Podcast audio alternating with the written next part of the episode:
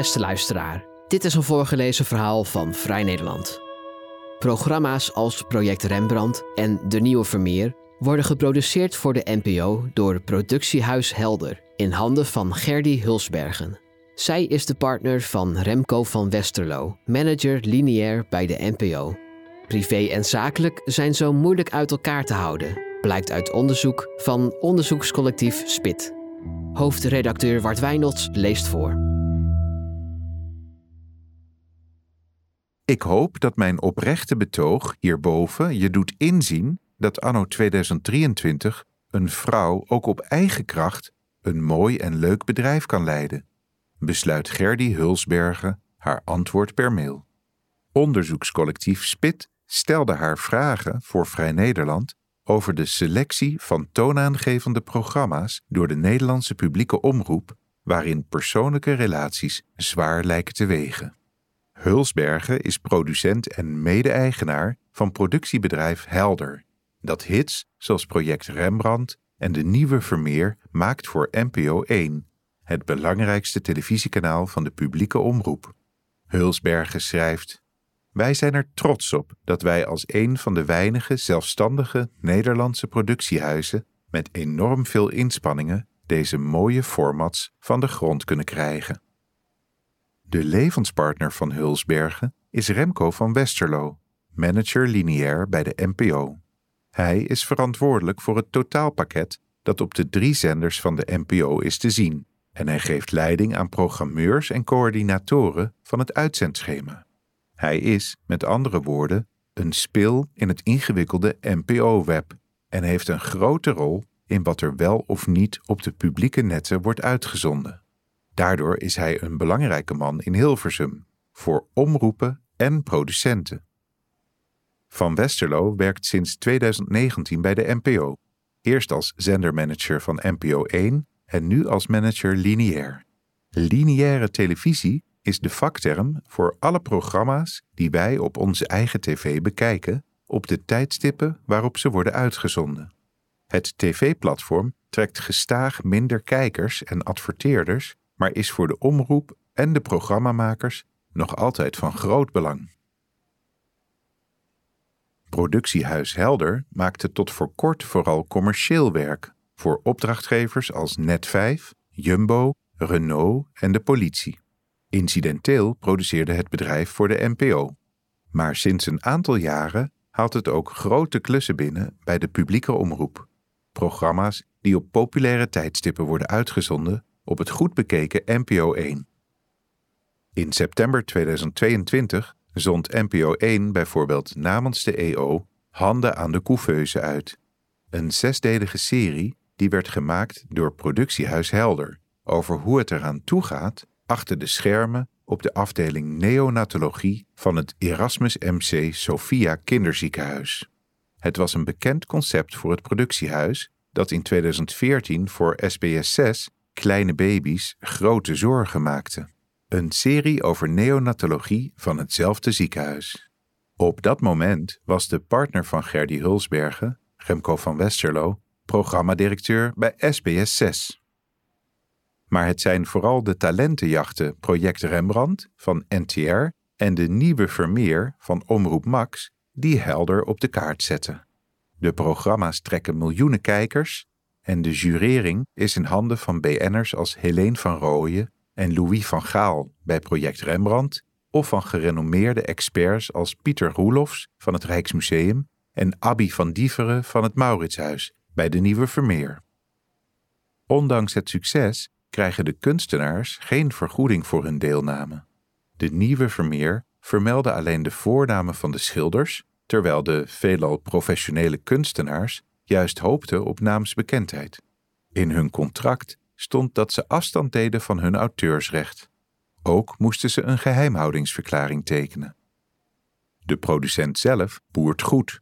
Deze voorspoed is terug te zien in de jaarverslagen die Helder deponeert bij het handelsregister van de Kamer van Koophandel. Het eigen vermogen van Helder BV vertienvoudigde bijna tussen 2019 en 2021, van net geen 80 mil tot ruim 7 ton. Helder is eigendom van Test TV en Robworks, de privé-BV's van Hulsbergen en mede-eigenaar Rob de Haan.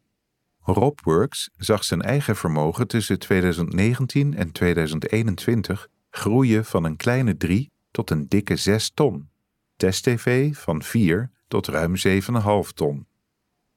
Op vragen over de sterk gestegen afname door de NPO van programma's die haar bedrijf produceert, reageert Hulsbergen: Wij zijn graag helder, dus ik kan je melden dat het bestaan en de groei van ons bedrijf helder losstaan van mijn levenspartner. En verder zegt ze: Het raakt mij als mensen suggereren dat dit niet door ons aantoonbare harde werken en zelfbereikt succes komt, maar door de man die al meer dan 33 jaar mijn levenspartner is. Over naar Remco van Westerlo, als manager lineair een van de meest invloedrijke figuren binnen de NPO. Hoe voorkomt hij dat hij thuis per ongeluk aan de keukentafel zaken te berde brengt, waardoor zijn producerende levenspartner voorkennis heeft bij pitches? We kunnen werk en privé heel goed gescheiden houden, is het enige dat Van Westerlo daarover kwijt wil. Verder meldt hij zich te houden aan de bindende gedragscode van de NPO, die stelt dat een medewerker die familie- of vriendschapsbetrekkingen of op een andere manier persoonlijke betrekkingen heeft met een aanbieder van diensten of zaken aan de mediaorganisatie, zich onthoudt van besluitvorming over de opdracht met betrekking tot die diensten of zaken. Toenmalig directeur video Frans Klein haalde van Westerlo in 2019 naar de NPO, aanvankelijk als netmanager ad interim van NPO 1. Sindsdien stijgt het eigen vermogen van Helder in een rechte lijn omhoog.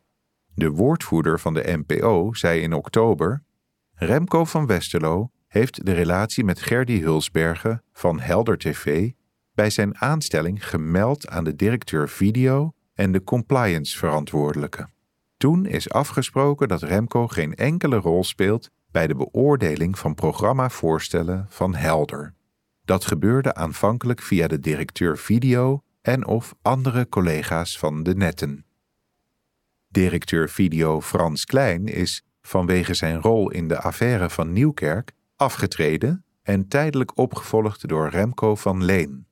De functie van Remco van Westerlo als netmanager van NPO 1 kwam te vervallen toen de NPO vorig jaar zogenoemd genre management invoerde.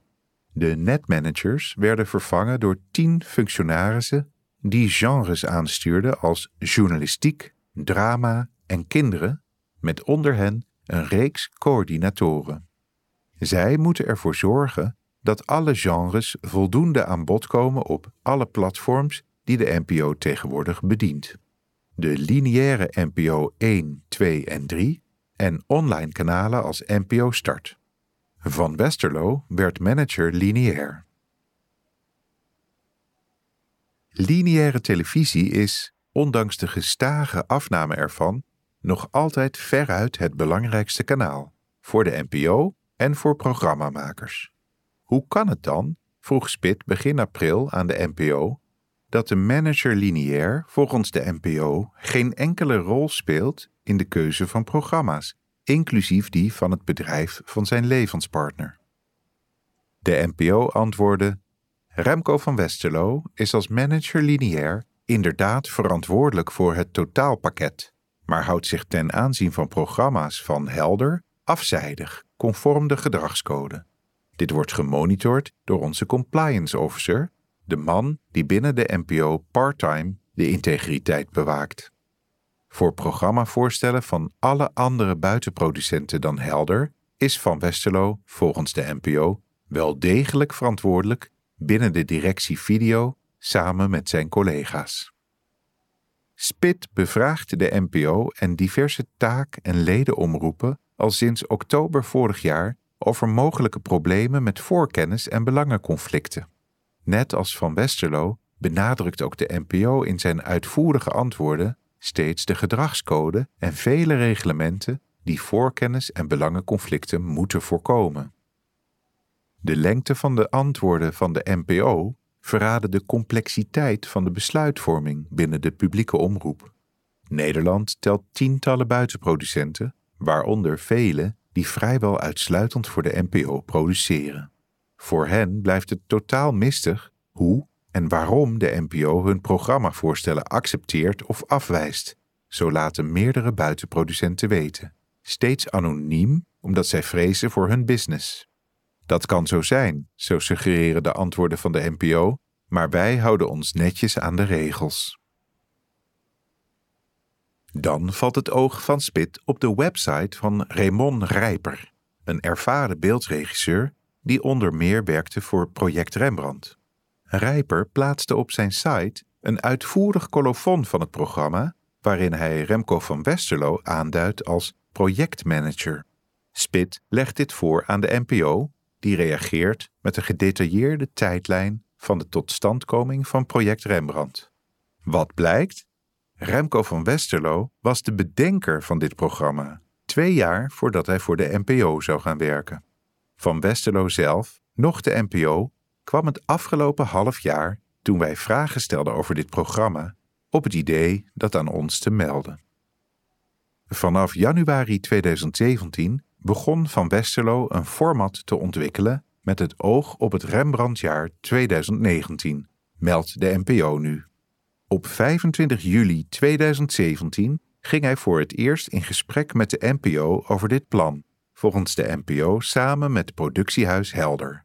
Met andere woorden, met het bedrijf van zijn levenspartner. De NPO schrijft: Op 4 december 2017 pitchte het stel Project Rembrandt samen bij Afrotros.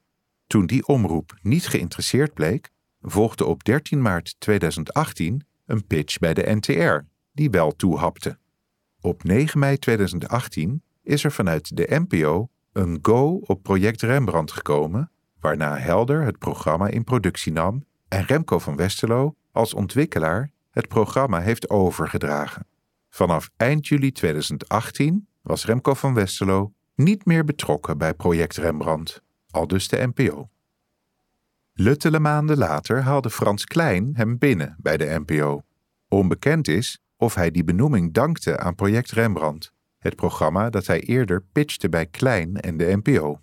In eerdere betrekkingen bij AT5, Net5, RTL Nederland, SBS en John de Mos geflopte tv-zender Talpa heeft Van Westerlo een gemengd track record opgebouwd. De Volkskrant schreef in 2011 een lovend profiel over het intelligente wonderkind Remco van Westerlo. Maar hij kreeg SBS 6 niet echt op de rails en werd in 2015 aan de kant gezet, waarop hij ging freelancen. Niemand betwijfelt dat een vrouw ook op eigen kracht een mooi en leuk bedrijf kan leiden, zoals Gerdy Hulsberg stelt. Mensen die met haar hebben gewerkt, roemen haar als een vakkundig producent met wie het bovendien prettig samenwerken is. Maar het hele traject van Helder en de talentenjachten die het bedrijf voor de NPO heeft ontwikkeld, vallen niet los te zien van de invloed van de familie van Westerlo in de Nederlandse televisiewereld. Remco maakte zijn entree in die wereld als medewerker bij AT5, toen zijn vader Fons daar directeur was. Toen Remco overstapte naar Net5, was Fons senior daar directeur. In 2007 werd hij aangesteld als programmadirecteur van RTL 5 en RTL 8 door, wederom, zijn vader, die op dat moment de hoogste baas was van RTL Nederland. Fons van Westerlo was toen allang een van de mediabobo's van Nederland. Later werd hij voorzitter van WNL, waar hij nu nog steeds toezichthouder is. Ook was hij ruim tien jaar commissaris van DPG Media Nederland, veruit het machtigste mediaconcern in de Lage Landen. Verder schreef Fons een column voor de Telegraaf, waarin hij onder meer project Rembrandt aanprees, zonder de betrokkenheid van zijn zoon en diens levenspartner te vermelden. Twee inmiddels overleden broers van Fons schopten het eveneens ver in de media. Ed van Westerlo werkte jarenlang voor de NOS, waar hij in 1994 vertrok als directeur televisie en als pleitbezorger van een onafhankelijke publieke omroep die ver weg moest blijven van de commercialisering van de televisie die toen net was begonnen. Gerard van Westerlo was een gerenommeerd journalist die interim hoofdredacteur was van Vrij Nederland en hoofdredacteur van De Groene Amsterdammer. En dan zijn er Fons Kinderen. Marjolein van Westerlo produceerde Expeditie Robinson in opdracht van haar broer Remco. Marjolein was ooit getrouwd met Ronald Goes, voormalig CEO van Talpa. Haar jongste broer, Oliver van Westerlo, inmiddels makelaar, werkte zeven jaar bij RTL Nederland, van 2007 tot 2014. Een Volkskrant-profiel van de familie meldde: Ze bellen en zien elkaar vaak. Dat de gesprekken tijdens familievakanties en etentjes meestal over televisie gaan, vindt iedereen even onvermijdelijk als prettig. Dat contrasteert nogal met we kunnen werk en privé heel goed gescheiden houden, zoals Remco van Westerlo beweert over de keukentafel die hij dagelijks deelt met Gerdy Hulsbergen. Op vragen aan de NPO en Remco van Westerlo kreeg Spit tot twee keer toe ongevraagd antwoord van vader Fons, hetgeen illustreert hoe dicht de paterfamilias, 77 jaar oud inmiddels, nog steeds bij de knoppen zit. We willen van zoon Remco weten hoe hij voorkomt dat zijn vader, die sinds 2009 nauw betrokken is bij de omroep WNL, op familiebijeenkomsten interessante en vertrouwelijke zakelijke informatie oppikt. Hoe voorkomt hij dat familie en zakelijke belangen door elkaar gaan lopen? Het antwoord komt van vader Fons. Hij schreef onder meer: Ik ben geen bestuurder, maar een toezichthouder, die wel als klankbord dient op gebied van strategie, meedenker aan ledenbestanden, bereid mede verantwoordelijk te zijn op lange termijn. Bestuurder bestuurt, toezichthouders houden toezicht. Dat mijn zoon bij de NPO werkt, heeft geen enkele invloed op mijn mening over de gang van zaken daar. En hij schreef: Uit jullie vragen lijkt het wel of Vrij Nederland uit is op een beroepsverbod voor familieleden in hetzelfde vak. Wij zijn een familie die een grote historie heeft op journalistiek gebied en hebben eigen verantwoordelijkheden en zaken altijd goed uit elkaar gehouden.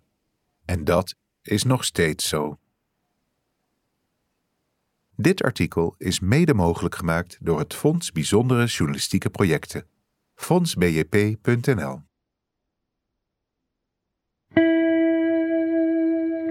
Wil je meer verhalen van ons lezen of beluisteren? Kijk dan op vn.nl of abonneer je op Vrij Nederland in je podcast-app. Voor onze trouwe luisteraars hebben wij ook een speciale actie. Een half jaar Vrij Nederland online voor maar 15 euro.